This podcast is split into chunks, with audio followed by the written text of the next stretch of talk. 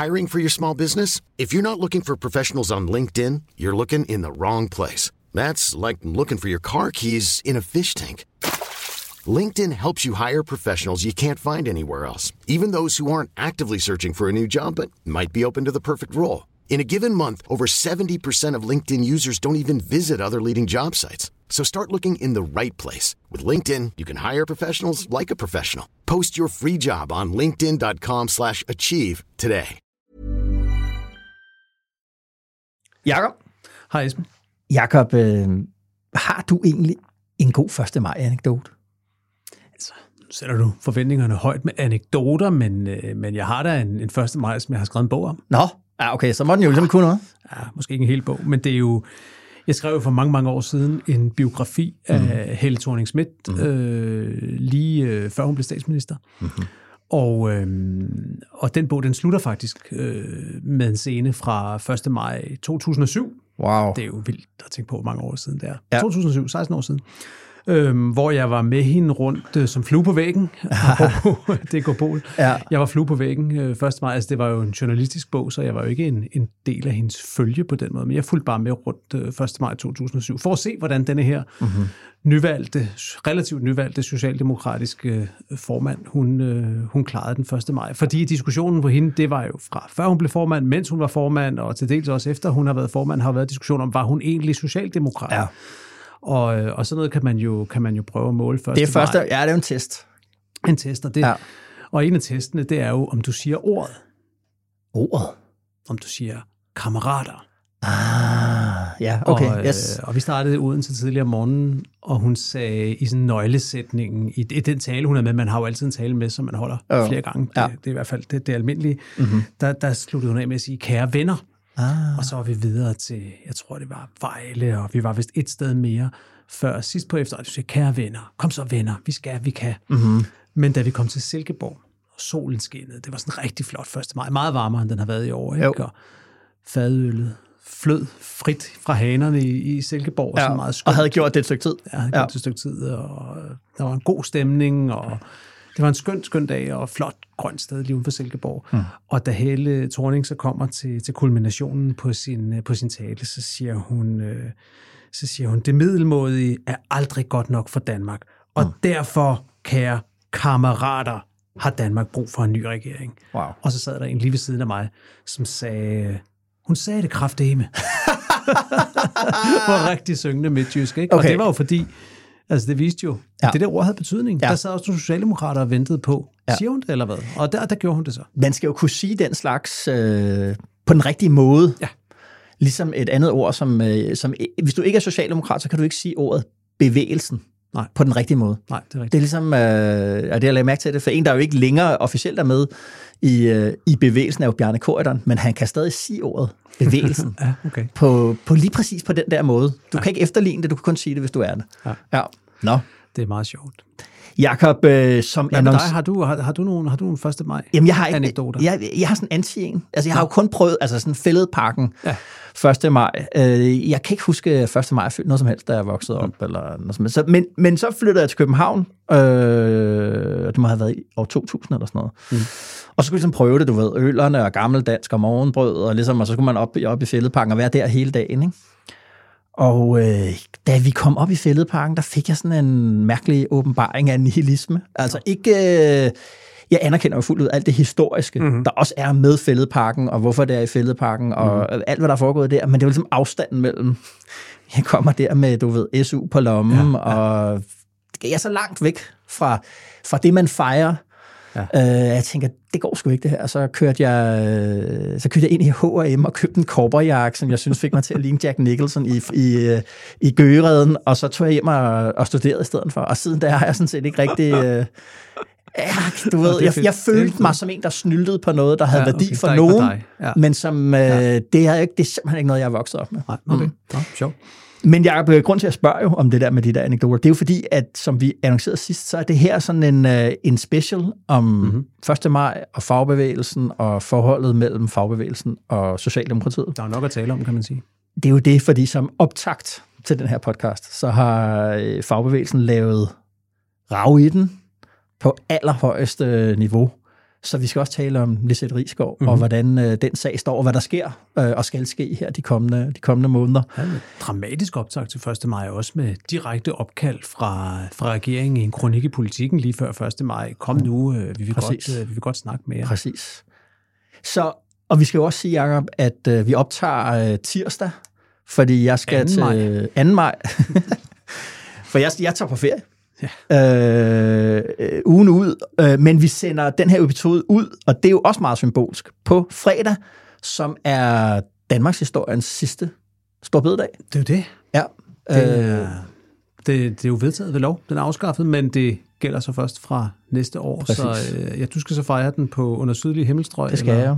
Du har ellers, øh, du har ellers engang, kan jeg huske, her i podcasten fortalt, hvordan at den der aften før bededag med vederne og sådan noget. Det I er, love it. Ja, Simpelthen. Jeg er så vild med Hvad gør du krydderboller. Jamen det, øh, jeg må fejre, når jeg kommer hjem. ja, det bliver du nødt til. Ja, jeg må få Jeg nogen til at en- købe nogle videre, og så øh, gemme dem til mig. Ja, okay. Ja. Nå, spændende. Ja, det er planen. Jeg byder velkommen til det veldækkede bord af varme videre, der er Dekopol.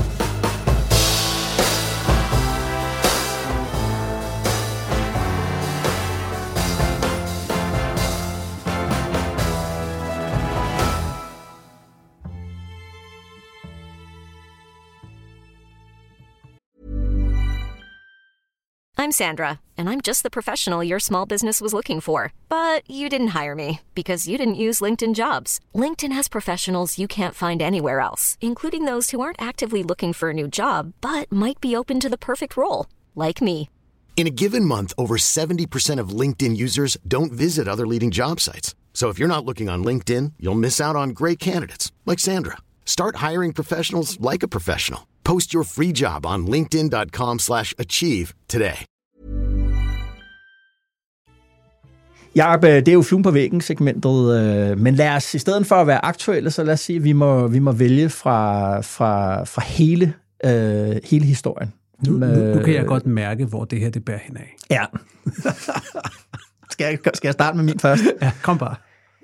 Jeg vil gerne vælge øh, et eller andet sted der, november-december 1987. Ja, lige præcis. Øh, I det forhandlingslokale, hvor øh, fælleserklæringen af 1987 blev, øh, blev forhandlet på til, plads. Til de få DK-lyttere, der ikke måtte vide det, Ja. så er Esben Schøring jo manden, der øh, var det sidste år øh, faktisk arrangeret ja. en hel konference ja. nede i Altingets Ja. gård alene om fælleserklæringen, Præcis. hvor alle mulige øh, meget, meget kloge mennesker kom og, Ja. og holdt gode indlæg om fælleserklæringen Ja. og dens betydning. Vi er jo en kreds af meget forskellige mennesker, vil jeg sige, som mener, at, øh, at det er et, øh, et næsten helligt øh, dokument, og i hvert fald... Øh, hvad Det er alt, Altingets svar på Reagan-selskabet, det her. Ja, det kan man sige. Præcis det. Øh, det er øh, for dem, der øh, øh, ikke lige sidder og tænker, hvad var det nu fælleserklæringen var? Fælleserklæringen er en berømt trepartsaftale, ja. øh, som i eftertiden jo særligt blev berømt, fordi det er der arbejdsmarkedspensionerne blev, øh, blev etableret. Ja. Altså det her med, at lønmodtagerne selv sparer op til deres øh, pension, deres de bliver investeret, de her penge, det vil sige, at lønmodtagerne bliver kapitalejere. Øh, og nu nævnte du den der, øh, den der kronik, som øh, øh, SVM-regeringen spillede, spillede ud med, og den handlede jo netop om, ligesom om ånden i fælleserklæringen, Præcis.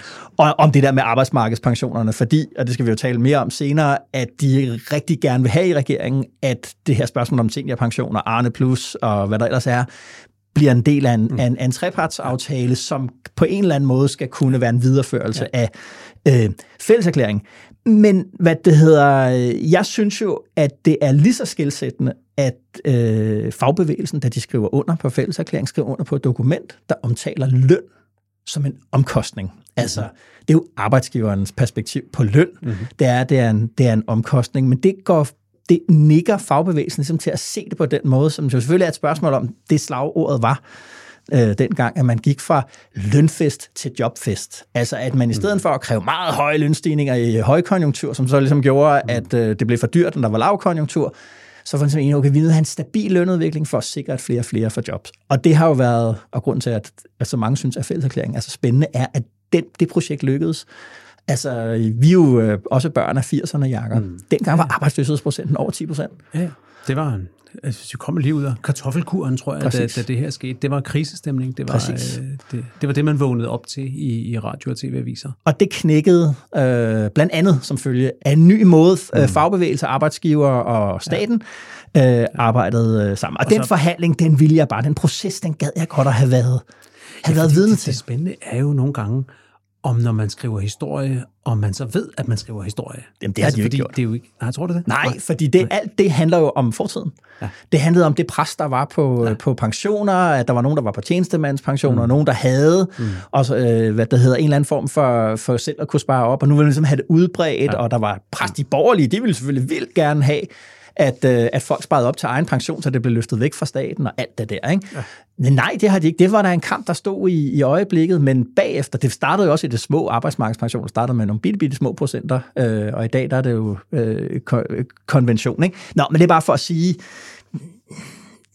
det interessante der er, er jo på den ene side, at fagbevægelsen kapitulerer på en vis måde. Mm. Altså det vil sige alt det der med strejker, og der kom selvfølgelig også strejker mm. efterfølgende, men apropos den overenskomst, vi lige har været igennem, så kan man jo se, hvor meget det der med, at vi gider ikke det der strejke noget, lad os nu gå ind og lave øh, aftalen.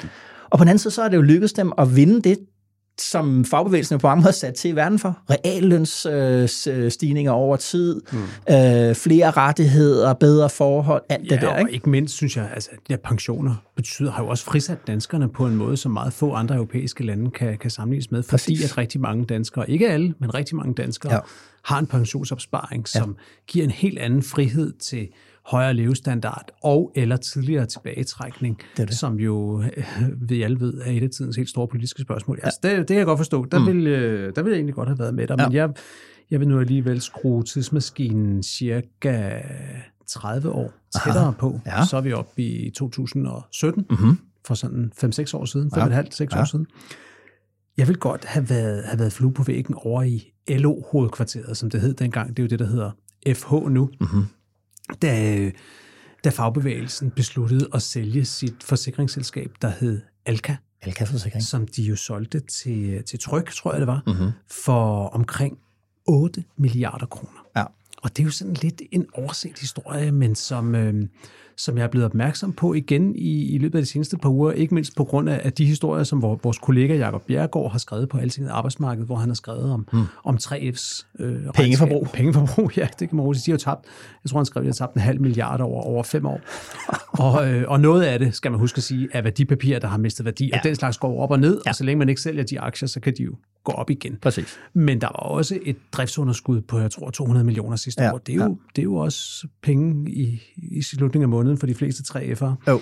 Øhm, og, og der kommer de her alkapenge altså ind, fordi mm. det, der sker i, i 2017, det er jo, at de penge bliver fordelt ud mellem de øh, fagforbund, der, der ejede det. Den større, jeg tror, LO-forbundene ejede cirka halvdelen af Alka, så der røg cirka 4 milliarder kroner ind i LO's forskellige forbund dengang. Ja. Jeg tror, alene 3F, som jo er det største forbund og havde den største ejerandel, har fået noget, der har ligget i omegnen af 2 milliarder kroner, sandsynligvis på den gode side af 2 milliarder kroner. Mhm. Mm-hmm. Og, og det synes jeg er, er spændende. Hvad, hvad har det betydet? Altså, og, og hvordan er de penge? øh, Hvad, hvad, har de snakket om, hvordan de penge skal bruges? Ja. Og, og noget af det, vi måske kan se i dag, der kan vi måske se en del af svaret, at i 3F, der har de besluttet sig for, Og bruge dem. den skal, vi skal give den gas. Ja. Altså, de har puttet helt utrolig mange penge ud i deres lokalafdelinger. Mhm. Mm-hmm. De vedtog kort efter en visionsplan, der skulle skabe øh, bane vejen for fremtidens 3F, og den indebærer blandt andet det her med at- putte utrolig mange penge ud i deres lokalafdelinger, Aha. og forhåbentlig skaber det jo så, øh, det kan være, det holder kontingentet nede, det kan være, det giver mulighed for at få nye medlemmer, mm-hmm. men, men, men de bruger utrolig mange penge, og andre forbund har måske valgt at lægge dem mere over på en kistebund, eller i nogle værdipapirer, som kan gå op og ned som en del af den af den konfliktkasse, der mm-hmm. jo skal være, og sørge for, at fagforbund altid har, mm-hmm. har noget stået imod med, hvis der kommer en stor konflikt, for man kan jo aldrig vide. Og, og alene det at have muligheden for at kunne tro med det, er jo en meget vigtig del af et fagforbunds ja. Magt. Så jeg synes, det er spændende, det der. Altså, hvordan man reagerer på, at øh, lige pludselig så bliver der sat øh, to 2,2 milliarder kroner ind på kontoen. Ja. Altså, hvordan det, om og, det, også, også fordi, hvad det gør ved dit hoved. Ja. fordi, fordi det, der sker med et forbund som 3F, der får 2 milliarder, og som jo i forvejen der har masser af værdipapirer, de driver nogle ejendomme, parkeringskælder og andre ting, Mhm. mm-hmm. det er jo, at de får en økonomi, der på sin vis er løsrevet fra medlemmerne. Altså, det er ikke længere så vigtigt, dels hvor mange medlemmer der Nej. er, hvor meget de betaler i kontingent, for det er slet ikke det, som økonomien hviler på. Den kører på nogle helt andre tandhjul. Ja. Og det kan jo være enormt befriende, men jeg tænker også, det kan gøre noget ved den måde, man tilgår arbejdet på, ja. hvis det ikke er medlemskontingentet, der er... Det er jo lidt ligesom, hvis nu, hvis nu du mm. havde en økonomi, hvor der røg 2 milliarder på din bankbog i morgen. Så, altså, tror du, det ville ændre den måde, du gik til altinget på, for eksempel? Altså, hvis du, hvis du ikke havde noget behov for at få nogen som helst penge herfra? Altså, øh, jeg er jo vildt bange for, altså ikke fordi det kommer til at ske, men altså, ja, det, det forstyrrer jo en. Det tror jeg på. Jeg tror, ja. at man bliver, man mister, man mister, virkeligheden mister sin, øh, sin tyngde, tror jeg, hvis man, har, hvis man opnår den form for, for rigdom. Mm. Specielt hvis man ligesom ikke har, hvis den ligesom på en eller anden måde kommer, kommer dumpende sådan lidt, ind, ja. at der er sådan lige pludselig arvet en masse penge, eller jeg ved ikke, det må være utrolig svært.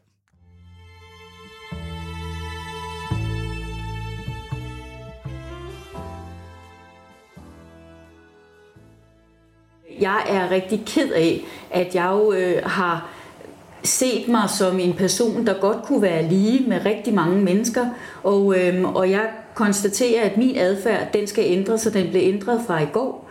For jeg må stadigvæk så sige, at jeg er en af de mest magtfulde personer, og derfor kan jeg øh, ikke, nu siger jeg, have den opførsel.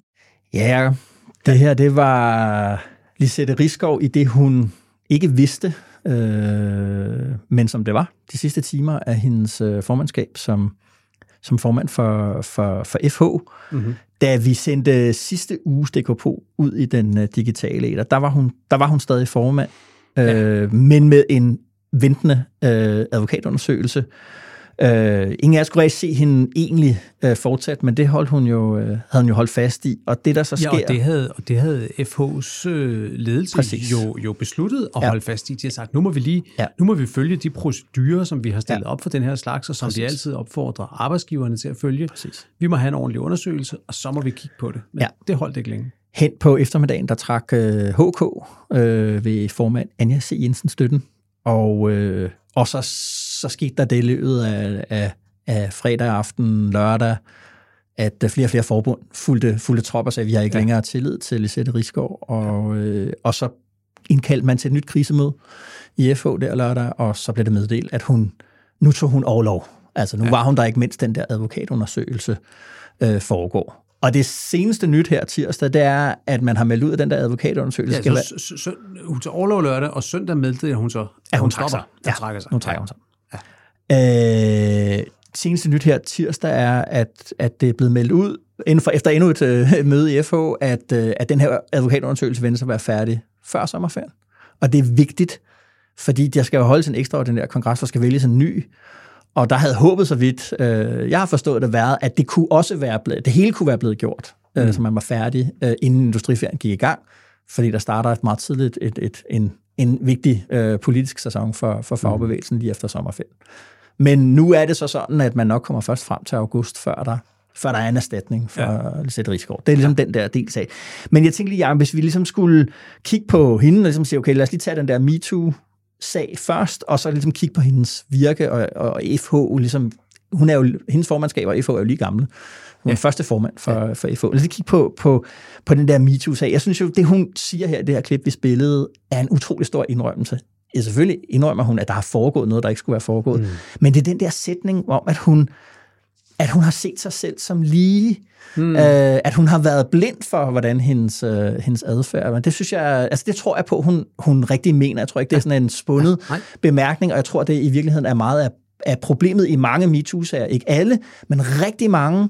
Det er det, at, at dem, der har magten, er blinde for, at de har den, og at der ligger noget i vores kultur omkring, hvor vi dyrker den, det lige, den flade struktur, alt det der, hvor det på en eller anden måde bliver glemt, at vi jo ikke er lige. Ja, lige præcis.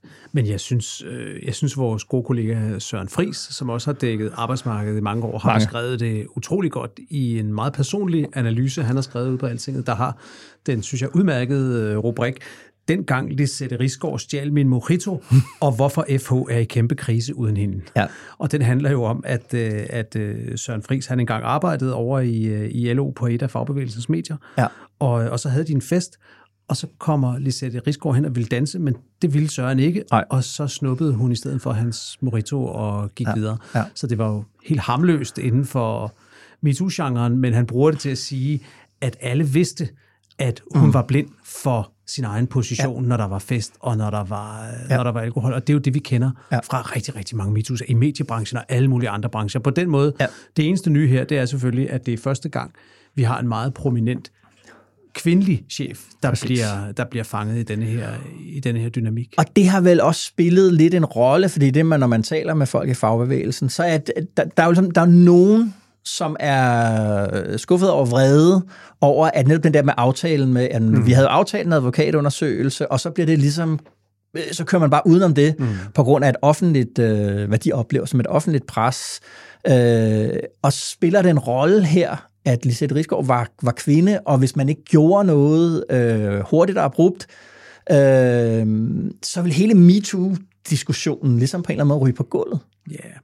Jeg, jeg tror mere, det spiller noget en rolle, at hun var FH-formand, end at hun var kvinde. Jeg tror, vi havde set det samme, hvis det havde været en mandlig FH-formand, hvor de her ting var kommet frem. Mm. Fordi problemet er jo, FH's troværdighed. Det er ja. jo det, der er på spil altid i MeToo-sager. Jeg synes, at ja. vi snakkede om det med moderaterne for nylig, at, at spørgsmålet er jo ikke, om den, der er anklaget, skal straffes. Altså, man skal jo passe på med at putte ind i sådan en retssagssammenhæng. Ja. Det, der er spørgsmålet, det er, om man som organisation, uanset om det er et politisk parti eller her en fagforening, om man har troværdigheden intakt, ja. hvis man ikke håndterer det her mm. på samme måde, som man kræver, at andre skal gøre. Mm. Ikke? Og FH kræver jo, at, at, at alle tager MeToo-sager meget alvorligt. Selvfølgelig gør de det, mm. og derfor øh, var, var de nødt til at tage det meget alvorligt, uanset mm. om det havde været en, en, en mand eller en kvinde. Og, og så er der så opstået store interne rifter, tror jeg, i, i, i fagbevægelsen, ja. fordi at de sidder og beslutter, vi gør det, som vi har aftalt, vi tager en advokatundersøgelse, og dårligt er det kommet ud i lokalet før HK's mm. relativt nye øh, mm. formand, Anja Jensen, øh, går ud og siger, jamen øh, hun, hun siger, hvis hun er blevet underkendt af sin hovedbestyrelse, de ja. vil have, at hun skal gå af med det samme. Ja. Jeg tror, mistanken i store dele af FH er, at det var ikke noget, hovedbestyrelsen behøvede at overbevise hende om, at hun ligesom ikke, ikke holdt den aftale, hun havde indgået. Og det er jo en anden ting i fagbevægelsen, der ligger dybt i deres værdisæt, ja. det er, øh, når man har lavet en aftale, så holder man en aftale. Og der, der, der en anden perspektiv på det, der er jo så, Jamen, hun, altså det der skrækscenarie, tror jeg, blandt andet fra, fra, fra HK, det var, hvis, hvis Lisette Rigsgaard er blevet siddende som formand. Altså, det er, det, hvad, hvad gør vi, når hun går op på scenen 1. maj og holder en tale som fag... Altså, der, der, der, der, vil jeg sige, det, der forsvinder al legitimiteten jo, hvis, øh, hvis det sker. Det kan ikke det, kan, det går også rigtig, rigtig hurtigt for alle parter. Det skal ja. vi jo øh, huske på her. Ikke? Altså, hurtigt. Selvfølgelig allermest hurtigt for Lisette Rigsgaard. Ja. Ja. Øh, men det gør det også for alle de andre. Mm. Og det er jo det der med at sige, okay, du sidder i et lokale, og så skal du sige til en eller anden, okay, det er over, det er slut, du er ude. Den kan være svær. Øh, men også det der med at, ligesom at få tænkt, at sige, okay, hvor er vi om mm. en måned, hvor er vi om to måneder, hvor er vi om et halvt år? Og bare det der udsigten til, øh, til at stå, øh, at hun stod på 1. maj, det, at det kan jeg jo godt se. Det altså, der burde der være nogen, eller Lisette Rigsgaard selv har sagt, det går jo selvfølgelig det går. ikke. Ja. Men det kunne jo også have været, altså hun, hun nåede jo sådan set at gå på overlov om lørdagen, før hun så trak sig helt søndag. Så der var mange, der var mange mellemveje der. Altså Jon Steffensen har da forløbig klaret sig igennem på en overlov, men den gik ikke for hende. Hun var også, et, hun var også en, en større profil end Jon Steffensen og stod på en anden måde i spidsen for projektet, så det, ja. det gik ikke, men det, synes, det er vigtigt at holde fast i, at jeg tror, at opgøret efter Lisette Rigsgaards MeToo-sag er, er langt fra forbi, fordi som du sagde, nu skal advokatundersøgelsen gennemføres. Man kan høre folk, der taler om, ja. at nu skal, vi, nu skal vi se, om der er nogen, der dækkede over hende. Og det, det, på den måde er den jo også ligesom alle andre MeToo-sager, at da Frank Jensen faldt på Københavns mm. Rådhus, da Morten Østergaard faldt mm. på de radikale, ja. at selvfølgelig var der masser af mennesker rundt om dem, ja. der vidste, ja. at det der, det var en ting, men som, du ved, ikke havde råbt op, fordi at sådan var det jo bare. Ja. Og sådan vil der også være folk, der ja. er i LO, og det vil jo være noget, som nogen nu kan bruge som våben mm. i den magtkamp, der nu begynder om, ja. hvem der skal tage over, fordi det er jo en, øh, en hovedorganisation, der har mange interne splittelser på kryds og på tværs, som, øh, som nu vil, øh, vil, vil blive synlige, når de skal finde frem til, hvem der skal afløse. Og sådan som jeg hørte, så det, der, det den der advokatundersøgelse, den skal ligesom til at klire, hvem kan stille, egentlig stille op som den næste FH, for den, det skal være en person, der er uplettet øh, ja. af det her. Øh, fordi ellers så er, man, så, så er man jo tilbage i, i, i, det samme, i det samme problem. Så man kan sige, selvom at der jo lige nu bliver smidt en masse navne op, hvem kunne blive den næste, mm. så er det, der lyder internt fra, øh, det er, jamen vi skal simpelthen have, den her, det her, det skal afdækkes, inden at vi går i gang med sådan en seriøs øh, kandidat- og navnelejr. Ja. Det er jo også en måde for alle at, at vinde noget tid på, så, øh, så, så, så det er meget naturligt. Der vil gå noget tid, der vil cirkulere nogle navne, der er nogen derude allerede, men ja. noget af det, jeg er rigtig spændt på, det er jo, om man i den afstemning, hvis der kommer en afstemning, hvis de ikke bare kårer en, en formand til ja. sidst, hvad der også er ret sandsynligt, men hvis der kommer en afstemning, så bliver det rigtig spændende at se, om skillelinjerne i store træk kommer til at gå efter de gamle LO-forbund og de gamle FTF-forbund. Det er de to hovedorganisationer, der er offentligt ansatte og privatansatte. Ja, sådan groft sagt. Ja, der var også præcis. nogle offentligt ansatte, det gamle LO'er, der er sådan lidt, men, men, men groft sagt, er, ja. det, er, det, er, er det det. Kommer der til at gå nogle skillelinjer der? Ja. Og, og man kan også kigge på andre skillelinjer nu. Altså hvad med, altså HK nu øh, har ja. til synlædende lagt sig meget hårdt ud med både 3F og, og Metal på grund ja. af, af, af, de, af de lidt løb fra, fra, fra den her aftale om, ja. om at, at holde sig til advokatundersøgelsen. Så der bliver mange spændende skillelinjer at, at holde øje med, men på bundlinjen for det hele står jo bare, at det er en organisation, som simpelthen lige få dage inden havde fået opfyldt det, der altid er en hovedorganisations hedeste drøm, nemlig at få et brev fra statsministeren, hvor der står, ja. vil I ikke være rare at komme over ikke bare én gang, men i en permanent institution, for vi har så mange problemer, og vi kan kun løse dem sammen med jer. Ja. Og deres svar er altså, jo, vi, vi vil godt komme. Vi skal bare lige finde ud af hvem. Der går lige tre måneder, til vi har en formand at sende. Ja, ja. Det er ikke godt. Det er, det er selvfølgelig ikke, øh, ikke godt. Og, og, og som du siger, det, de der indre splittelser, øh, spændinger, der nu er, øh, det er jo også et spørgsmål om, hvad det er for et FH, der kommer ud det det. på den anden side ja. af det der. Ikke? Altså bliver det, fordi det var meget en kompromiskandidat, bliver det var meget, øh, du ved, øh, vi går og kigger meget, du ved, hvem er stærke profiler, og, altså du ved, man kan bare tage alle forbundsformænd og hive, du ved, hun er det ene, og han er det ja. andet. Men, men det skal jo være en person, som kan få det få samlet. Øh, en, det skal være en forhandler, øh, en intern forhandler, der skal kunne, øh, kunne formidle meget ja. forskellige øh, interesser. Ikke? Og vi snakker altså om nogle forbund, som lige her, 1. maj 2023, rigtig mange af dem har, øh, har sagt til, til alle socialdemokratiske ministre og folketingsmedlemmer, ja. I må godt være ret blive væk fra vores 1. maj arrangement. Ja. Ja. I er ikke velkomne her. Ja. Det, altså, ja det er en meget speciel situation. Det er det. Lad os lige også kigge på, nu har vi sådan taget lidt hul på det, på hendes virke som, som, øh, som formand, øh, Jakob. Nu har vi nævnt det gang, de bliver stiftet, FH bliver stiftet i, i, i 2019. Hun er den første, hun er den første øh, formand. Øh, man lagde de der LO og FTF sammen, fordi for at løse et problem i den danske fagbevægelse, nemlig faldende medlemstal. Så nu slog man ligesom øh, pjalterne sammen mellem de offentlige og private, øh, for at få sådan en, en power in numbers, kan mm. man sige. Ikke? Mm. Men netop jo stadig som skrøbelig organisation, som, og det er jo noget af det, man spørger sig selv om nu, er FH en institution, der sådan ligesom er stærkere end alle delene, så at sige? Øh, lidt ligesom vi kender som de gamle magtpartier. Mm. De er ligesom på en eller anden måde større, er større end Mette Frederiksen, ikke? også selvom mm. at hun er meget succesfuld. Øh, Venstre, på en eller anden måde, kan ikke forestille sig, at Venstre ikke mm. er der som parti, uanset hvem der nu måtte være, være formand. Er det det? Øh, det der, der synes jeg, at der er sket noget i, i, i den her periode omkring Stor Bededag, mm. fordi det, der jo var med Stor Bededag, ja, det var, at det var noget, der kunne forene privat og offentlig. Og det gjorde, at Lisette Rigsgaard lige pludselig kunne træde frem. Hun blev, fik jo sit offentlige gennembrud, som, øh, og måske også sit interne gennembrud, hvem ved, men i hvert fald det offentlige gennembrud, som en, der kunne... Øh, altså, hun brugte den her sag også til ligesom at, øh, at, at, at profilere sig selv. Jeg tror, hun blev kendt i mange danske hjem. Øh, men min bud er også at sige, at det, der skete for hende der, det var, at det, jeg fik en tanke på et tidspunkt, og jeg ved præcis, hvornår jeg fik den, at hun på en eller anden måde overspillede sin kort, at hun, blev, at hun på en eller anden måde blev for afhængig af den der, du ved, du FH-formand, du sidder højt oppe, langt væk fra dem, du ligesom skal repræsentere. Lige pludselig op, oplever du repræsentation meget stærkt. Du repræsenterer dine medlemmer, de følelser, der var, den vrede, der var omkring bededag. Det begyndte i virkeligheden, det begyndte i virkeligheden under corona, hvor hun jo meget stod i spidsen for nogle af de treparter, der blev lavet under corona. Det, det vil jeg sige var hendes. Det kan godt ja. være, at hun ikke blev lige så ja. kendt som Michael Laudrup, men ja. hun, det var der, hun rigtig blev en offentlig figur ja. første gang, ja. der rakte ud over være kendt i fagbevægelsen. Men jeg ved også, der var folk i bevægelsen og i, i de store medlemsforbund, som dengang måske synes, mm. at hun tog lige lovlig meget af rampelyset selv, og, ja. og, og det, er jo en, det er jo en evig udfordring for en LO-formand i gamle dage, en FH-formand nu, det er, ja. at man står jo ikke i spidsen for et egentligt fagforbund, Nej, og derfor har man brug for nogle, man, det er en paraplyorganisation, hovedorganisation, ja. man har brug for nogle, for nogle scener, hvor man kan stille sig op og tage noget rampelys, og det gjorde hun under corona, og så tog hun så den helt store med, med bededag, hvor hun gik i front. Og for mig, der var den knækker. Der var jeg siger, der er noget galt her.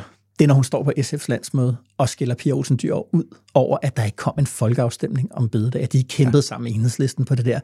Det synes jeg udviser en person, som havde øh, et, nu taler om, at hun var blind for sin egen magtposition. Det er altså blind for, hvad politik er for en størrelse i Danmark, fordi den der folkeafstemning, det var også det, SF'erne sagde, det er jo en bombe mm. under det repræsentative demokrati. Vi vil gerne, de siger, SF'erne siger, vi vil jo gerne kunne til, til bestemme ting, øh, og gøre til institution i Danmark, som de borgerlige hader. Øh, hvad, altså, altså, så, hvis vi skal have det her til folkeafstemning hver gang, jamen, så, kan, så, så er der ikke øh, parlamentarisme i, mm. i, i Danmark længere. Og stille sig ud som FH-formand på noget, der grundlæggende er den yderste, yderste venstrefløj, mm. altså enhedslistens næsten revolutionære syn på øh, samfundet. Der, det, det klart knækker filmen for mig. Og jeg tror, der har været mange konspirationsteorier fremme i den her uge om, om det i virkeligheden var Socialdemokratiet, der ligesom plantede den der historie om Lisette Rigsgaard og, ja. og hendes MeToo-sager som en straf for stor bededag og at, så var det timet lige op til 1. maj og sådan ja. noget. Jeg, jeg tror, som vi også har snakket om i andre sager før, man skal være utrolig forsigtig med at tro, Altså, at man lige kan time sådan noget. Selvfølgelig kan man, kan man gå og lægge ting. Der har været utrolig mange mennesker, der har vidst det her. Vi ved nu, at både Berlingske og Ekstrabladet har arbejdet på den her historie rigtig, rigtig længe. Målsvis, ikke? Jo. Så, så jeg vil passe, være meget forsigtig med at, at fæstne lid til det. Men, men det, jeg tror, som bliver spændende, når vi i dag får historieskrivning, det bliver egentlig, om hun også overspillede sin kort internt med den krav om den folkeafstemning. Mm. Havde Lisette Rigsgaard egentlig mandat fra alle de store forbund, da hun stillede sig op på et billede, som, som jeg kan huske, hvor hun står der der med ja. alle forbundsformændene Min... stående lige bag sig. De ja. stod jo der altså virkelig ja. og lignede en, en, en, en, en, en, en tæskehold, der var ja. klar til at komme efter ja. regeringen, og hvor hun siger, at vi vil have en folkeafstemning. Ja. Havde hun rygdækning til den melding? Fordi min fornemmelse var også, at uanset at vi snakker om, at det var lidt uundgåeligt nok udgangen på den her MeToo-sag, så var der meget, meget få, der stillede sig op og forsvarede hende. Altså jeg kan komme i tanke om, om Mona Strib som, øh, som mm. den eneste måske mm. øh, forbundsformand, der, der har stillet sig op ja. og sagt ro på nu, og er det ikke gået lidt for hurtigt, og, og hvad ja. nu ellers. Der har været, hun har haft få venner, ser det ud til. Ja. Og så er der jo noget andet, synes jeg, med det der med, at hun blev ved med at, ligesom, at, at, at, at ride bededagshesten, så man kan sige det på den måde. Det er, mm. og det hørte jeg også fra, fra folk langt ned i rækkerne i, i fagbevægelsen, så siger, ved at blive ved med at tale om det, så glemmer vi jo, at vi har lige landet nogle historisk gode overenskomster. Ja, skal vi tale om vores sejr eller om vores nederlag? Præcis. Og, øh, og det, der var også, der var, og det har jo selvfølgelig ikke noget at gøre med selve den her sag, det var bare for at sige, hvad er hun som, som, som, som topfigur i fagbevægelsen. Der er du ikke den, der sidder og forhandler jo, så man kan sige, at overenskomsten ja. er på sin vis ikke hendes sejr. Præcis, og i hvert fald så var det bare, så, jeg synes, der var noget boldøje, der også svigtede der.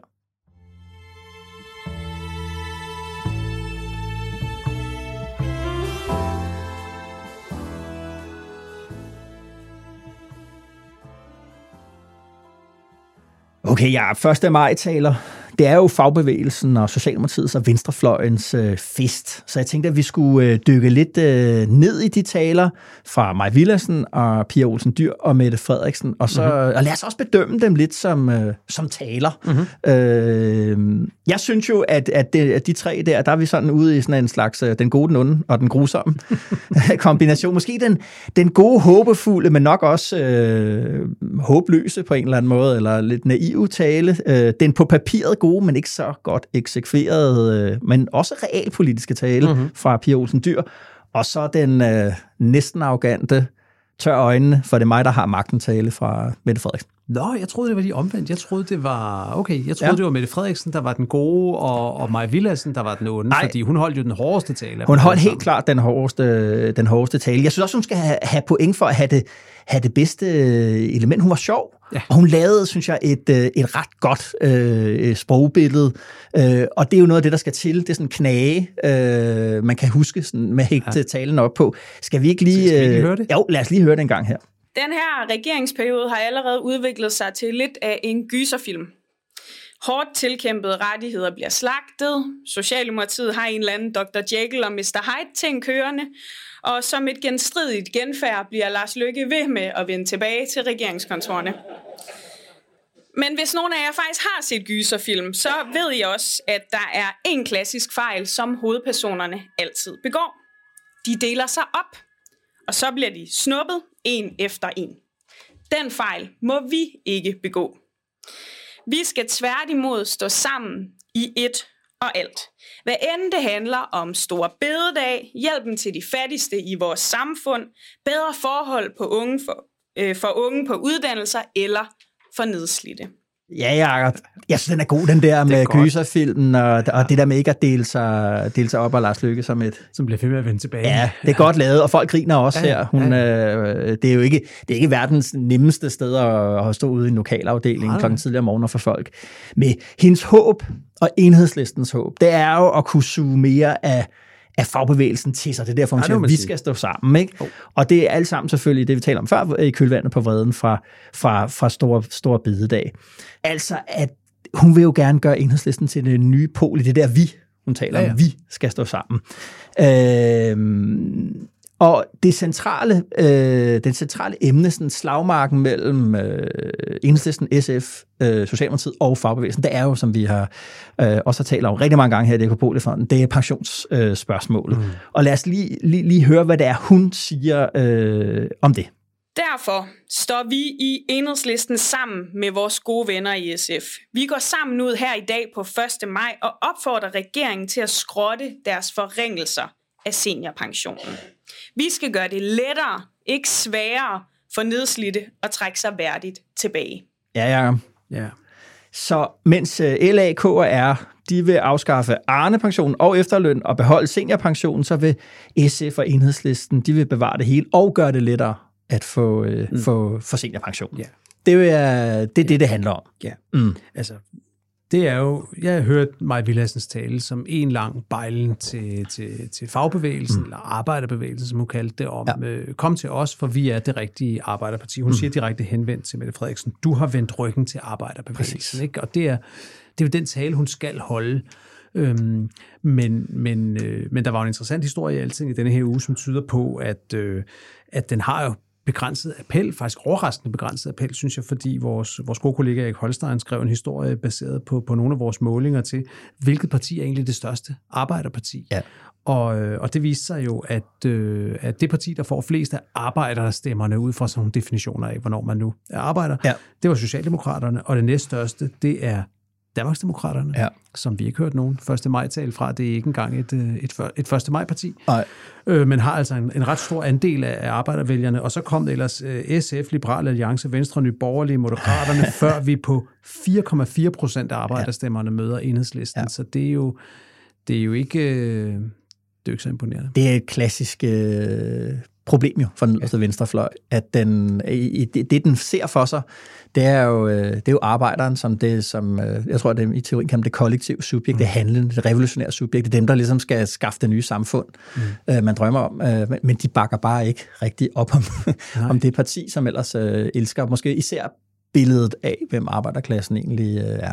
Det er jo en klassisk det det. Men mm. selvfølgelig en, en, en, en tale, hvor, hvor, hvor de stiller sig det sted, som de kommer til at stå hele den her valgperiode, og i hele næste valgkamp, nemlig på den, der hedder, ja. de vil være garanten mod dårligere tilbagetrækningsordninger, Præcis. end dem, vi kender i dag. Tværtimod skal de måske være lidt bedre. Og lad os så hoppe over til, til vennerne i SF og, og, og til Pia Olsen Dyrs tale. Vi har jo rost hende rigtig meget, Jacob, Pia Olsen Dyr, i den her øh, podcast. Ikke fordi vi er politisk enige, men for hendes præstation som politisk mm. leder. Op ad graven, flytter partiet, holder dem relevant. Nu er det et parti på 14-15 procent i, mm. øh, i, i, i meningsmålingerne. Men Jacob, Pia Olsen Dyr, hun er måske ikke så god som stand-up-komiker. Nej. Øh, og det ved vi, fordi det prøvede hun faktisk i den her øh, første, første maj-tale. Jeg har lige et, et, øh, et, et, par eksempler, et par eksempler med. Ja, okay. En undersøgelse for nylig viste, at 25 procent af danskerne er bekymrede for deres jobsikkerhed. 25 procent. Og det er, lad mig bare skynde mig at understrege det, ikke en måling, der er lavet Venstres folketingsgruppe. For der tror jeg, at tallet er højere. Ja, Au, Jacob. Ja, okay. øh, der er en til, vi lige skal, vi lige skal Ej, høre. Det var da meget god. Eller Synes du det?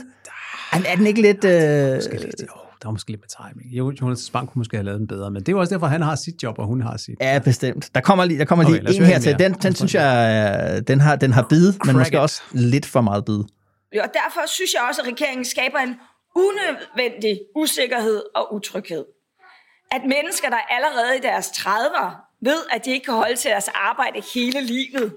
Det er jo til sydlandet svært at forstå inden bag ved hævesænkebordene. Men det er jo altså ikke alle, der kan få en mellemlederstilling i dansk industri, hvis alt andet glipper. Tak for sidst til Sofie Carsten Nielsen. Ja.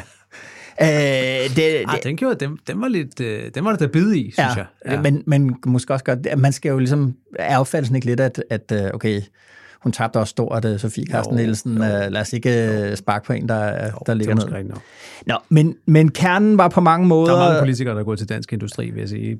Sofie Carsten Nielsen er langt fra den eneste. Ja. Det er jo næsten en motorvej derovre. Nå, anyway kernen i talen, i hendes tale, det var lidt det samme, eller meget det samme som Maja Villadsen. Hun angreb Mette Frederiksen og Socialdemokratiet for at have svigtet idealerne, og selvfølgelig især, når det kommer til pension og tidlig tilbagetrækning. Men alligevel, ja, så synes jeg, der var øh, en forskel i betoning mellem det, Maja Villadsen sagde, og det, som, øh, som Pia Olsen Dyr sagde. Fordi, prøv lige at høre, hvad det er, hun egentlig siger her. Vi må have en stærkere Arne-pension. Men dybest set, så er jeg helt ligeglad, hvad ordningerne hedder. Det afgørende er selvfølgelig, at vi har nogle tilbagetrækningsordninger i Danmark, der imødekommer de reelle behov. Om det er Arne eller Arne Plus, eller Arne Plus Plus, eller seniorpension, førtidspension eller efterløn. Det må bare aldrig blive en spareøvelse. Ja, jeg, jeg, jeg synes, at det, der er bemærkelsesværdigt her, det er, at altså, det er meget langt fra. Hun siger ikke det, Maja Villadsen siger. Hun siger ikke, at øh, seniorpensionsforringelser, uh, dem, det, det bliver over my cold body. Nej, nej. Det gør hun ikke. Det lyder meget mere som en tilkendegivelse af, at hvis nu Mette Frederiksen øh, i spidsen for SVM-regeringen kastede alle ordningerne op i luften, efterløn, Arne, førtidspension, seniorpension, seniorjob, og landede med en helt ny øh, ordning med et nyt navn, er så er man faktisk også villig mm. til at, at kigge Men på det helt, det er jo helt i tråd med den rolle, Pia Olsen Dyr spiller, som jeg taler om meget, at hun gør sig spilbar, hun vil godt ind og være med. Men derfor, derfor var det, jeg mest lagde mærke til i hendes tale, det var noget, der pegede lidt en anden retning, synes jeg. Jeg synes, det var ret interessant, at hun, at hun siger, at øh, hun understreger, at Danmark har en bundsolid økonomi. Mm-hmm. Hun siger, at vi har overholdbarhed mm-hmm. i økonomien. Ja. Hun siger, at danskernes opsparing boomer, og hvert år er der milliardstort overskud på statens finanser.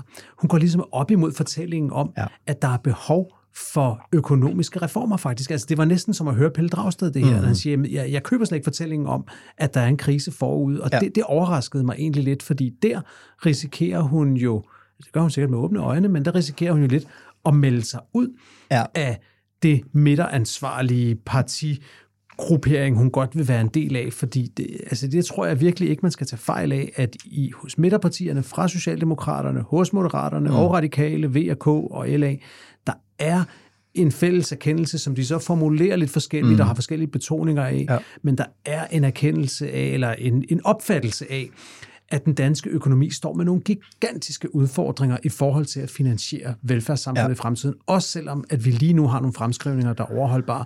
Der er et sygehusvæsen, der trænger til kæmpe investeringer. Mm. Jeg tror her til morgen, øh, hvor vi står og optager, var det mm. folkeskolen, der var i radioavisen og sagde, uden massive investeringer i folkeskolen kommer vi ikke nogen vegne. Lige om lidt skal vi snakke om de tekniske skoler. Hvad sker der med dem? Du ved, alle steder ja. er der en følelse af, ah, vi, vi har snart ikke råd til alt det, vi gerne vil. Og når hun siger sådan der, som hun gjorde, Pia Olsen Dyr, mm. så hører jeg hende lidt som en, der stiller sig på siden af det der og siger, ah, kan det nu være så galt? Men er det ikke, altså, fordi det, det jeg synes, der er sådan det politisk, taktiske eller strategiske problem for Mette Frederiksen med hendes kriseretorik, det er jo, at at hun, der synger hun jo lidt en sang, som de borgerlige altid har sunget mm. om velfærdsstaten, at den ikke var økonomisk rentabel, mm. at den ville bryde sammen under vægten af sine egne udgifter, og derfor jo også ligesom, at svaret på Mette Frederiksens kriseretorik er øh, borgerlig politik. Ja. Øh, så det er klart, at der, der, der har venstrefløjen måske også meget sent, fordi man var selv med under covid til at, at, at bakke op om den der krisestemning, er, er, er, ja. for sent har opdaget, hvad der kan være risikoen for dem, øh, dem i det. Så det, det. Der forstod jeg den del af talen, som siger, okay, vi skal ligesom have skiftet den måde, vi taler mm. om øh, samfundet på, den måde, vi taler om politik på. Men omvendt synes jeg det bare, det var så interessant for den der med den der seniorpension, fordi at Maja Villersen og, og Pia Olsen var gået sammen, samtidig med at regeringen udsendte deres øh, fælleskronik om øh, fælleserklæring og seniorpension og trepart og alt det der. Så gik de ud og sagde, at vi står last og brast omkring det med, mm. med seniorpensionen, men lige her, der stod de ikke last Nej, og det gjorde brast. de ikke. Nej. Okay, så lad os øh, komme til hende, der var adressaten for, for begge taler, nemlig øh, Mette Frederiksen. Øhm, jeg ved ikke, hvordan opfattelsen er det. Hun kan jo godt være ret morsom mm. øh, synes jeg, Mette Frederiksen. Og, øh, og der er jo ikke noget, jeg er som en god joke, hvis Ja, man hvad, har brug hvad for... synes du om hende som stand-up-komiker? Er det, den, er det den med Anker, vi skal høre ja, nu, vi skal, eller hvad? vi, høre, vi skal høre den af Manker. Ja, okay, lad os lige høre den. Egentlig blot for at sige, at jeg respekterer fagbevægelsen. Også når det handlede om stor bededag. Vi var bare uenige. Betyder den uenighed, at det skal bestemme fremtiden for vores samarbejde? Nej. For der er så uendelig meget, vi skal nå sammen. Rigtig meget. Og det er jeg også sikker på, at vi vil. Ikke mindst fordi det den her gang jo faktisk ikke kom til skældsord. Nogen husker måske, at øh, Anker Jørgensen som statsminister blev kaldt en lille lort af fagbevægelsen. Og jeg har jo gået sådan og tænkt over, hvor skal det her ende, fordi øh, især når jeg har høje hæle på, så er jeg jo faktisk højere end Anker. Og kan vide, hvad det så kunne ende i. Ja, ja. Anker Der, Jørgensen der, er bedre, der er bedre timing, ikke? Folk begynder at grine før pointen. De fornemmer godt, hvor den er på vej hen. Ja, ja. Jeg, jeg, jeg gad godt at tale med taleskriveren bag den der, ikke også? Fordi jo. jeg tror, at det her det er en, der kan sin børge ovse. Hvad mener du med det? Du kan jo også din børge over til, Ja, det kan jeg godt. Ja, ja. Børge Ovse, det er jo, det er jo informationsgrundlægger, ikke? Mm. Og en af de ting, han var kendt for back in the day, da papiraviser var en ting og alt sådan noget, ikke? Jo. Også, det var, at når han skrev ledere i information, og det var grunden til, at mange mennesker købte den avis, mm. så øh, var den altid signeret lille O. Aha. Og, øh, og øh, altså, det var hans signatur. Det var bare det der lille O der. Aha, Ikke? jo. Og da han engang skulle forklare, hvorfor det var det, så, øh, så var det, at, at det var blevet sket kommet til lidt tilfældighed, men så var der nogen, der, der havde ment, at det var et 0, der stod nedenunder, og så sagde Børge Otis, så er det så alt bedre at være et lille 0, end at være det store 0. Ah, Nå, ja, okay, på den måde der. så er det ja. lidt samme joke, ikke? Jo, Nå, præcis. anyway. Jamen, altså, det er også, altså, hvad det hedder... Jeg kan, jeg, jeg, jeg, jeg husker Nyrup i 98, der kom han ud til det gymnasium, jeg gik på nede ja. i Vordingborg. og Det var under valgkampen, mm. og han var ligesom på tur, og var der noget, Nyrup var god til, så var det, så var det analog kommunikation, ja, altså ja. folk i et lokale. Og så kommer han ind, og der har jo været, jeg tror, rektor har præsenteret, og, eller en, der har været en eller anden, der har præsenteret, så mikrofonen var i en vis højde, og Nyrup er jo rigtig høj. Han er vel næsten to meter høj, eller hvad var det, 91 eller andet høj. høj, ja. Stor mand.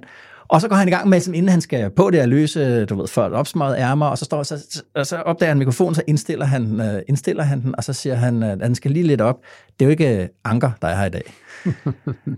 uh, så den, har, den joke har de, har de lavet nogle, uh, Ja, okay. nogle gange. Ja, godt. Mette Frederiksens budskab til fagbevægelsen, altså det er jo, der er lidt sjovt at sige med det her, det er jo, at hun var jo ikke inviteret. Nej.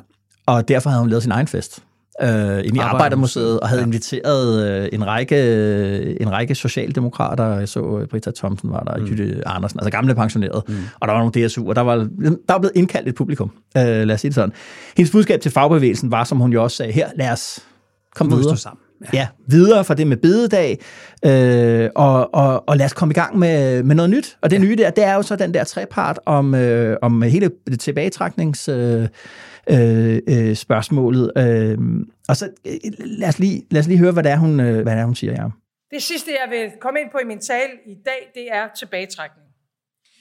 Her er det efter min overbevisning også bedst og mest holdbart, hvis vi hen over midten kan få lavet nogle gode aftaler, der sikrer, at jer, der har haft et hårdt og langt arbejdsliv, ved, hvad I har at regne med. For det er jer om nogen, der har behov for vidshed.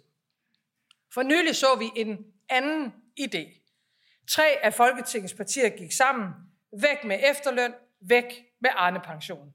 Det er ikke vores vej.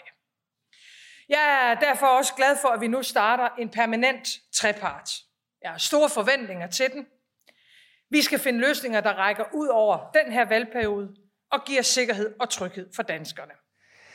Ja, ja øh, sidst der talte vi om Lars Løkke Rasmussens talent for politisk magi der med Jon Steffensen-sagen. Og her der er vi jo også lidt ude i noget politisk ja. trylleri, ikke? en form for forsvindingsnummer, kan man sige, fordi her der lyder det som om, at øh, Liberale Alliance, Konservative og Radikales forslag om at fjerne efterlønnen og og Arne Pension, det kommer sådan lidt ud af den blå luft. Ja. Er det derfor, at folk lige pludselig er blevet, blevet usikre, selvom kendskærningen er jo, at det er et svar på Mette Frederiksens egen, Ja, ja. øh, sit eget forslag om at afskaffe seniorpension, som hun jo øh, næsten ikke nævner med et, med et ord i, i, i talen. Nej. Så det er helt klart, hun prøver at starte fortællingen forfra Ja. omkring alt det, alt det her. Øhm, og det er altså den her sådan en, en stor new deal på hele pensionsområdet. Mm. Øhm, hvad... Jamen, jeg synes, nu skal vi tale om det om lidt, om hele, hele ja. det trepartsfænomen, og hvad det betyder, det, det, det, kan, vi, det kan vi vende tilbage til, men, men jeg synes, talen var jo fint afleveret ved den der joke med Anker ja. og sådan der, men det var, det var en helt utrolig defensiv tale ja. af en socialdemokratisk statsminister på en 1. maj, ikke ja. også? Altså, og det er jo værd at hæfte sig ved. Det var hendes første 1. maj-tale, efter hun blev genvalgt som statsminister, men sjældent har man da hørt en mere, en mere ydmyg og mm. forsigtig Mette Frederiksen ind i denne her tale. Det var en kom nu hjem tale til, til fagbevægelsen, som i øvrigt så på tidspunktet for talen lå i alle mulige slags ruiner, som vi ja, lige har talt ja, ja, ja. om. Så øh, en meget, meget speciel 1. maj-tale, synes jeg. Øh, ja. Ja, helt bestemt. Men jeg synes bare, det der, vi, at, at øh, på indholdssiden, der er jeg lidt tilbage til det der med, at vi er ligeglade med, hvad ordningerne, mm. hvad ordningerne hedder, som Pia ja, Olsen Dyr sagde. Ikke? Ja. Nu, nu, ja. nu er vi ligesom, øh, nu skal der ro på øh, tilbage. ro på. Ja, præcis. Og, og, og, og, og, og så... Ja. Ja, nå, det, lad, os, lad os gå ind og, og, og tale om mulighederne for, for, for en mulig uh, trepart, når vi har, når vi har taget en pause. Ja.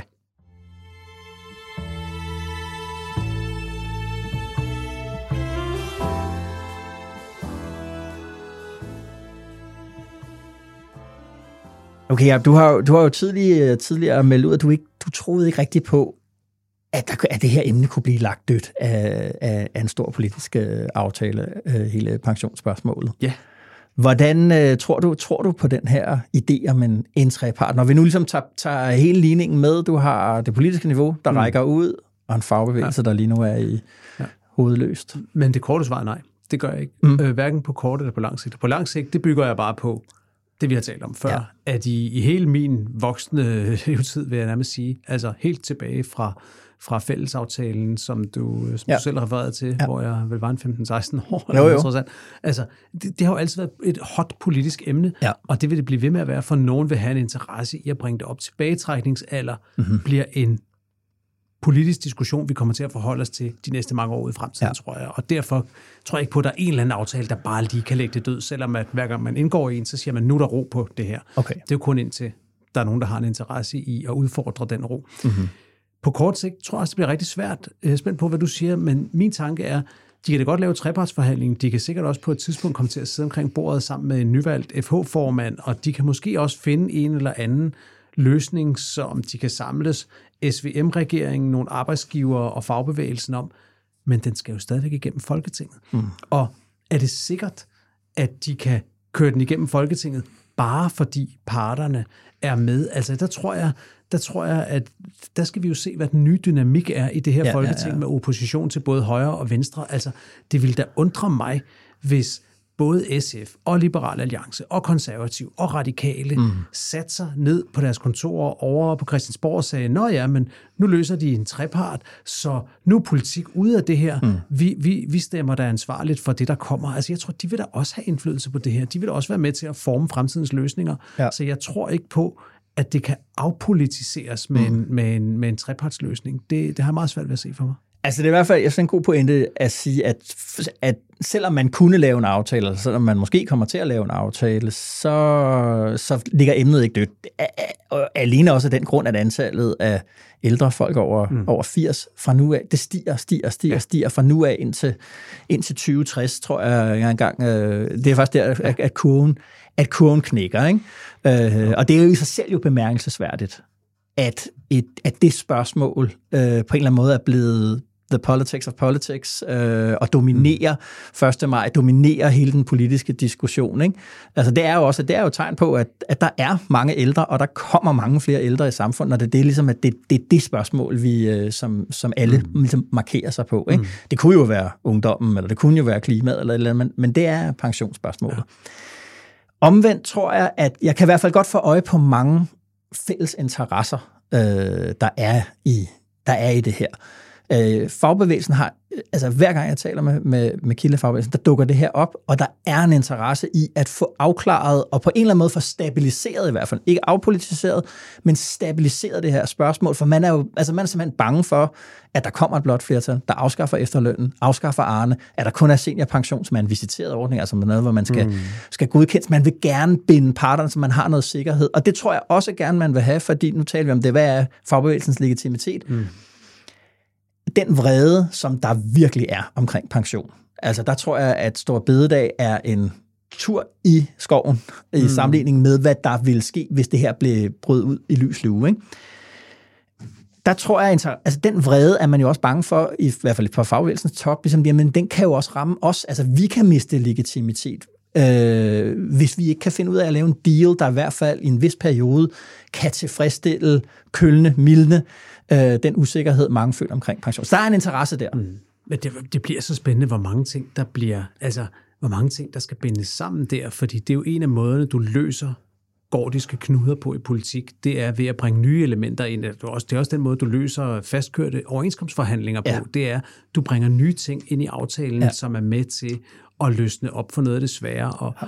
Og, øh, og altså en ting, som, som godt kan undre mig, hvis jeg ikke har hørt om fra regeringen endnu, og som jeg også ved, man undrer sig lidt over stedet i fagbevægelsen, det er hele det her erhvervsskoler, hvordan skal de, mm. hvordan skal de løftes? Det har vi slet ikke hørt om endnu. Mm.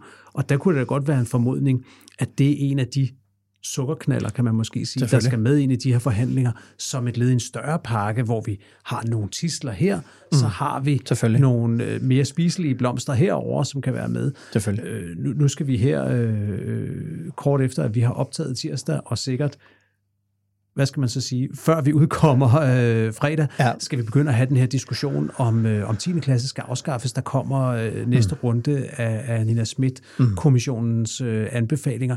Der er så mange elementer, der kan bringes ind på ja. bordet, og det er jo, øh, det, man kan godt forestille sig, at nogle af de brækker kunne blive nogen, der bliver lagt sammen for at få det til at gå op, men jo større det bliver, jo mere vanskeligt bliver det jo også at, at 100%. være igennem. Men jeg tænker også, de borgerlige må alt andet lige også have en interesse i at få, få pillet det kort ud af hænderne på Socialdemokraterne og Venstrefløjen, der hedder tilbagetrækning. Ja, ja. Altså fordi det, altså deres fald, i, en, i hvert fald i en vis historie for eksempel, det starter, da Mette Frederiksen og Christian Tulsendal mødes inde i cirkusbygningen, mm og vil, og have, og vil lægge begrænsninger på den stigende pensionsalder, problematisere, problematisere det. Der var det jo, at Blå Blok blev reddet fra, ja. fra hinanden. Man taber 2019-valget på Arne-pensionen. Ja. Øhm, så, så der er en interesse nedtur, der. kan man argumentere for, begynder, da han stiller sig ned i Folketingssalen ja. og udfordrer Mette Frederiksen på tilbagetrækning. Ja, præcis. Altså nogle, nogle, nogle, han fortsatte den så i forrige uge. Men altså. øh, ja, folk kan godt være bundet af deres traumer. Ja. Men hvad det hedder, så der er en interesse, der er en interesse der. Og der er også en interesse hos, hos regeringen, altså han ja. jo ikke spillet ud med det her. Nej. Og der, der synes jeg godt, der kan være en fællesmængde her, som, som kunne pege i retning af, at der kunne laves en eller anden form for, øh, for, for aftale. Men jeg, jeg, jeg køber argumentet om, at, at det kun vil være en pause i, øh, i, en, i den der diskussion om, om pensionsalder. Og så bliver det rigtig spændende at se, hvad, hvad betyder permanent trepartsinstitution egentlig? Altså, hvad betyder ja. det, den er permanent? Altså, skal den, ja. skal den ligesom, skal den traktatfæstnes? Skal den have et sekretariat? Hvad, skal have kontor på hvad, hvad er det for noget? Skal det have kontor? Ja. Det, det, det er jeg spændt på at se. Eller, Også, eller er, det, er det et politisk trick? Er det, altså, det må være et politisk trick. Ja. Altså, eller hvad kan man sige? Det er noget, Nej, du lige... Trick, men ja. ja det er altså, noget, du kan. Altså, langt hen ad vejen er det pro forma, ja. men så vil der være en, et fælles sted, hvor man jo kan løse nogle, øh, mm. nogle ting omkring arbejdsmarkedspolitikken. Men hvis det ligesom, ligesom det er en ægte institution, så vil vi jo have det, man kalder en kooperativ øh, stat, altså hvor, også, hvor fagbevægelsen kunne blokere for, hvad man politisk besluttede. Men, men hvem har ret til mødeindkaldelse? For det gør ikke at have en permanent trepartsinstitution, hvor man kun mødes, når det passer Socialdemokratiet. Det, kan, altså... det er jo det. No. Jamen det, og det, så, ja, men det, det, at man skyder det i gang med det her, altså jeg tror, at det bliver, altså hvis det bliver til noget, så bliver det til noget med det her, og så, øh, og så bliver det en snakkeklub derudover.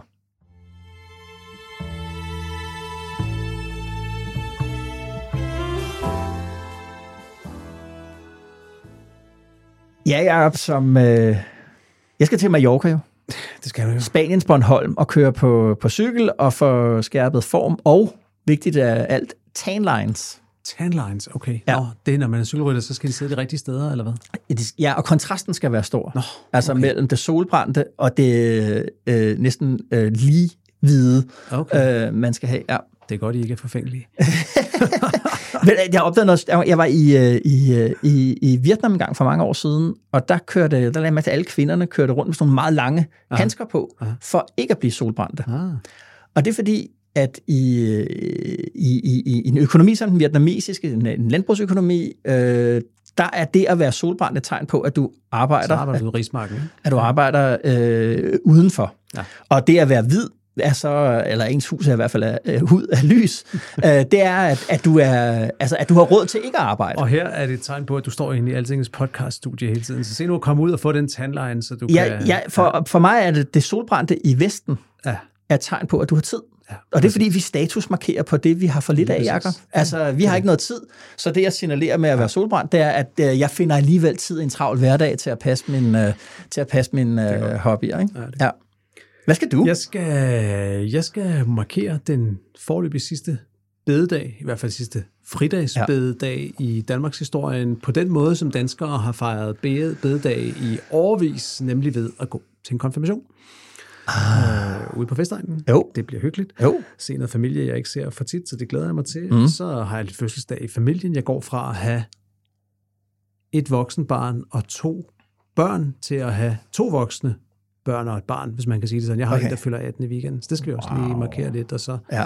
så tror jeg, jeg, så tror jeg, stik mod hvad jeg har sagt de seneste par uger, når folk har spurgt, så tror jeg, jeg begynder at følge en lille smule med i Superligaen igen. Altså, vi, vi, Sidste søndag... vi bliver nok kun nummer 6, men selv en 6. plads kan jo være tilfredsstillende, hvis, øh, hvis det sker på den rigtige måde. Ikke også? Hvad er den øh, rigtige måde, ja? Jamen, det er jo den der med at, at vinde, over, vinde over FCK, ikke? Ja, I vandt ind i parken, Ja, det var og så er der en returopgør, er der det? Nej, det er vist ikke i denne her weekend, det er første ugen efter. Okay. Øh, Denne her uge tror jeg, det er noget med Randers, så det kan blive slemt nok. Det kan være min begejstring, den fordamper hurtigt igen. Men altså, er den rigtige måde at, at sige, okay, vi, vi klarede skærene, og FCK blev ikke mestre? Er det det, der er den rigtige måde? Altså, det vil jo være en dobbelt op, synes jeg. Men jeg, jeg, så, jeg så nogen, der skrev på Twitter, der skrev sådan, alle de der seks hold, der ligger i top 6 i Superligaen, hvad er egentlig deres mål? Og det var ret morsomt. Der stod for FCK, deres mål, det var at vinde guld. Det tror jeg helt rigtigt for. Selvfølgelig. FC Nordsjælland, der var målet at få værdisat en eller anden spiller højt nok til, at han kan skyde sig af til nogle millioner. For AGF, der stod målet var officielt bronze, uofficielt guld. Ja. og for Brøndby, der stod, der var målet at score mod FCK. Ja. Og det tror jeg sådan set også er meget rigtigt. Og det gjorde vi så, og okay. på den måde mission accomplished. Og så Ja. Kommer der en ny sæson næste år fremad mod nye nederlag, som vi siger på Vestegnen. Jo, ej, men øh, I, må, det, I må ud af den der øh, stemning der. Jeg, er, der, er der også ligesom, øh, der har været en masse røre omkring øh, Er Brøndby der er og? Er der er fans, der er ballade? sure. Det er, lige før, altså, det, er jo, det er jo næsten politics. Det er noget, vi kunne bruge en Pol på at snakke om. Altså, der er jo gået, der er gået politik i det. Der er gået global fodboldpolitik i, øh, i Brøndbyernes idrætsforening, ikke? fordi det er blevet købt af nogle amerikanere, Ja. og store dele af fanbasen er, øh, er så bekymret over det, at de har dannet en, en, en fraktion, kan man mm-hmm. godt sige, øh, der går... som kommer eller ikke kommer på stadion. Jamen, som stadigvæk kommer. Altså, de, de stemningsboykotter, men de gør det på stadion, og det betyder, at det bliver meget synligt. De kommer i orange farver i stedet for i gul og blå, og er altså demonstrativt stille indtil efterkampen, hvor de så begynder at synge. Øh, hvilket godt kan virke lidt. Wow. Så, altså, men det, det, det er ret voldsomt øh, for, for dem, det betyder noget for det, der foregår. Hvorfor kommer de jo orange? Det er for at øh, markere deres øh, modstand mod øh, en klub, der nu er på udenlandske hænder, og Aha. ejet af nogle ejere, som øh, ejer flere andre fodboldklubber rundt om i verden. Altså det er sådan en af, Aha. for sådan hardcore, die-hard fodboldfans, dem der har sådan et, et, et motto, der hedder imod moderne fodbold, der ja. Det her med flerklubs ejerskab, Ja. ja. det er en af det er en af hovedaversionerne, fordi at, øh, at det ligesom er i strid med ånden i al god sport, at to foreninger kæmper mod hinanden. Øhm, Jeg tror så- godt, jeg kunne være imod moderne fodbold. Ja, ja, men det er meget nemt at være imod moderne fodbold på alle mulige måder, og, øh, og det synes jeg, det bliver man jo også mere og mere. Og det er jo derfor, at det her det gør så ondt. Det er fordi, at, øh, at, øh, at det er her, hvor ens rationelle analyse af situationen slås med nogle følelser, som, øh, som, øh, som ligger meget dybt. Mm-hmm. Det er hårdt. Jakob, øh, spændende. Anbefalinger? En anbefaling i øh, denne her uge, der er en podcast, jeg er begyndt at gå og lytte lidt til igen. Vi er lidt over i den nørdede genre, men jeg, jeg synes, det er en hyggelig, det er en hyggelig podcast at mm. høre, hvis man vil lidt ud, øh, ud over kongerigets grænser. Jeg er begyndt at lytte lige igen til den, der hedder The New, York, The New Yorker Radio Hour med øh, David Remnick. Øh, Ja. Det der magasin, The New Yorker, det er jo meget, meget elitært New Yorker-agtigt, men hans øh, ugentlige podcast, øh, Radio Hour, der, det er, det er et godt selskab, og der er særlig en episode, jeg vil anbefale i dag. Den mm-hmm. er fra 14. april, tror jeg, mm-hmm. og den hedder What's Behind the Bipartisan Attack on TikTok. Mm-hmm. Og det er bare kanonspændende, fordi der går han ind og, øh, og, og kigger kritisk på den amerikanske bevægelse, der er hen imod måske at forbyde TikTok, og i det Kinesisk hele taget, det her, TikTok. i hele taget, ja, forbud mod alt kinesisk. Altså, er det egentlig begrundet i noget reelt, mm. eller er det led i noget, som mere er noget handelskrig eller noget andet. Mm. Og, øh, og det er, det er rigtig spændende afsnit. Det kan jeg, det kan jeg varmt anbefale. Ja. Og det er jo en diskussion, som, som vi også kommer til at tage her, og som vi også er i gang med her i forhold til regeringens udenrigspolitiske strategier. Alt det her, det ja, er... Ja Kina, ja. altså fjende eller strategisk fjende, eller ja, man skal ja, sige, ja, ja, ja. også, eller handelspartner og strategisk modstander. Hvad, hvad er egentlig vores forhold til Kina? Og ja. det, det har de en, en god diskussion om i den der episode, så Nå, den er værd at lytte til. Fedt, det vil jeg da også høre så. Ja. Mm. Jeg øh, har helt sikkert talt om den før, øh, men i en anden sammenhæng sikkert. Øh, jeg vil gerne anbefale øh, The Unfinished Revolution. Øh, Philip Gould. Philip Goulds, øh, som var Tony Blairs øh, poster strateg. Mm. Øh, jeg tror helt sikkert, jeg har sagt om før, at det er den bedste bog om, om, om politik, jeg, jeg kender. Men når jeg anbefaler den her, så er det fordi, den på sådan en mærkelig bagvendt eller profetisk måde øh, tegner en forbindelse mellem synes jeg, Mette Frederiksens øh, første periode, den arbejderistiske periode, man ja. kan sige det på den måde, og så hendes øh, øh, anden periode, som vi måske kunne kalde konkurrencestats, øh, fasen. Og, og grunden til, at man kan se forbindelsen, det er, at det, der er så afgørende for, for, for New Labour ja. og for Tony Blair, det er at, at genknytte for, øh, båndene til arbejderklassen. Det er sådan set det, projektet øh, starter med. Øh, og det var det der med, at man skulle ikke, du ved, øh, det at være socialdemokrat eller venstreorienteret i, i England, skulle ikke, man skulle ikke ligesom se ned på, på almindelige mennesker, som man siger, mm. værdier, deres ønske om, du ved, en ekstra ferie om året og et nyt fjernsyn. Det skulle mm. man ikke. Man skulle levere en hård retspolitik, man skulle levere, øh, hvad det hedder, en, en, også en, en, en hård uddannelsespolitik, altså en fagligt orienteret øh, skole, en skolepolitik, og man skulle levere noget velfærdsservice på højt niveau, mm. øh, et, et, et, et, et, et sundhedsvæsen øh, på højt niveau. Øh, udlændingepolitik er jo et emne, når man sidder og læser den der bog, øh, så findes udlændingepolitik ikke. Immigrationsspørgsmålet øh, findes ikke.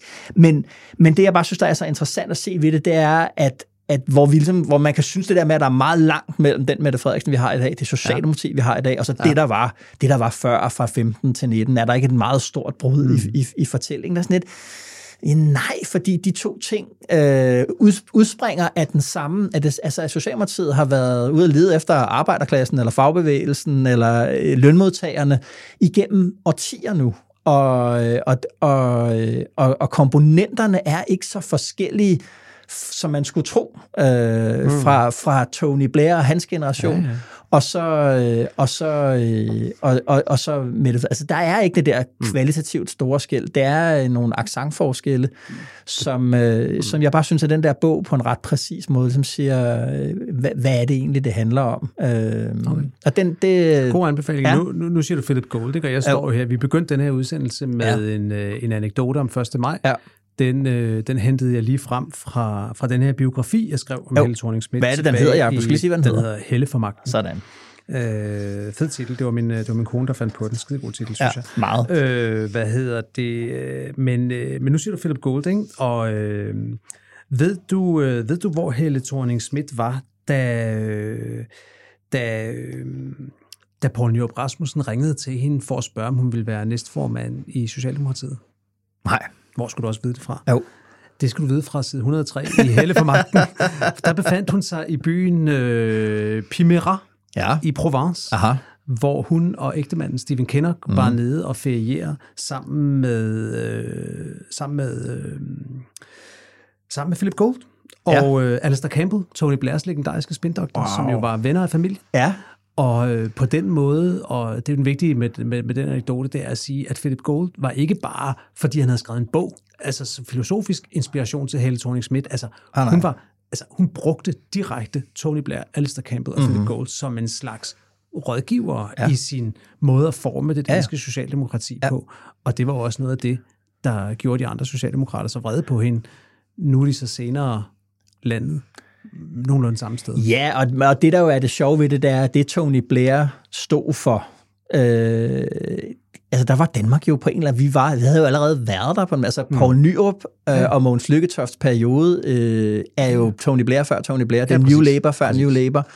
Øh, og på den måde er der en, er der jo en meget større kontinuitet i ja. Socialdemokratiet, end man egentlig, og som du ved, så kan de selv, de er meget dygtige til at fortælle deres egen historie. Så nogle gange kan de ligesom fortælle den på en måde, mm. hvor der ikke er så meget kontinuitet, og Mette Frederiksen var et stort brud, og så kan de også fortælle den, øh, den anden historie, som er, at det her, det er jo i virkeligheden det samme projekt foldet ud på, en, på, ja. på forskellige måder. Ikke?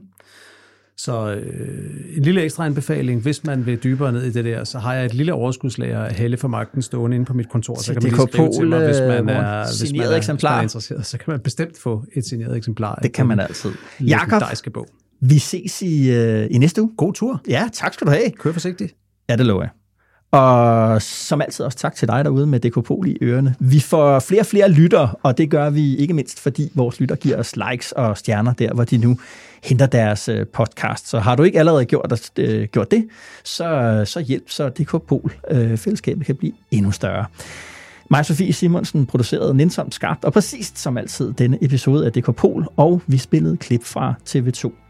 Husk, at du kan finde øh, anbefalinger og de andre ting, vi har henvist til i episodens show notes. Mit navn er Esben Schøring, jeg er politisk redaktør her på Altinget, og ønsker dig og dine en god weekend og god vind.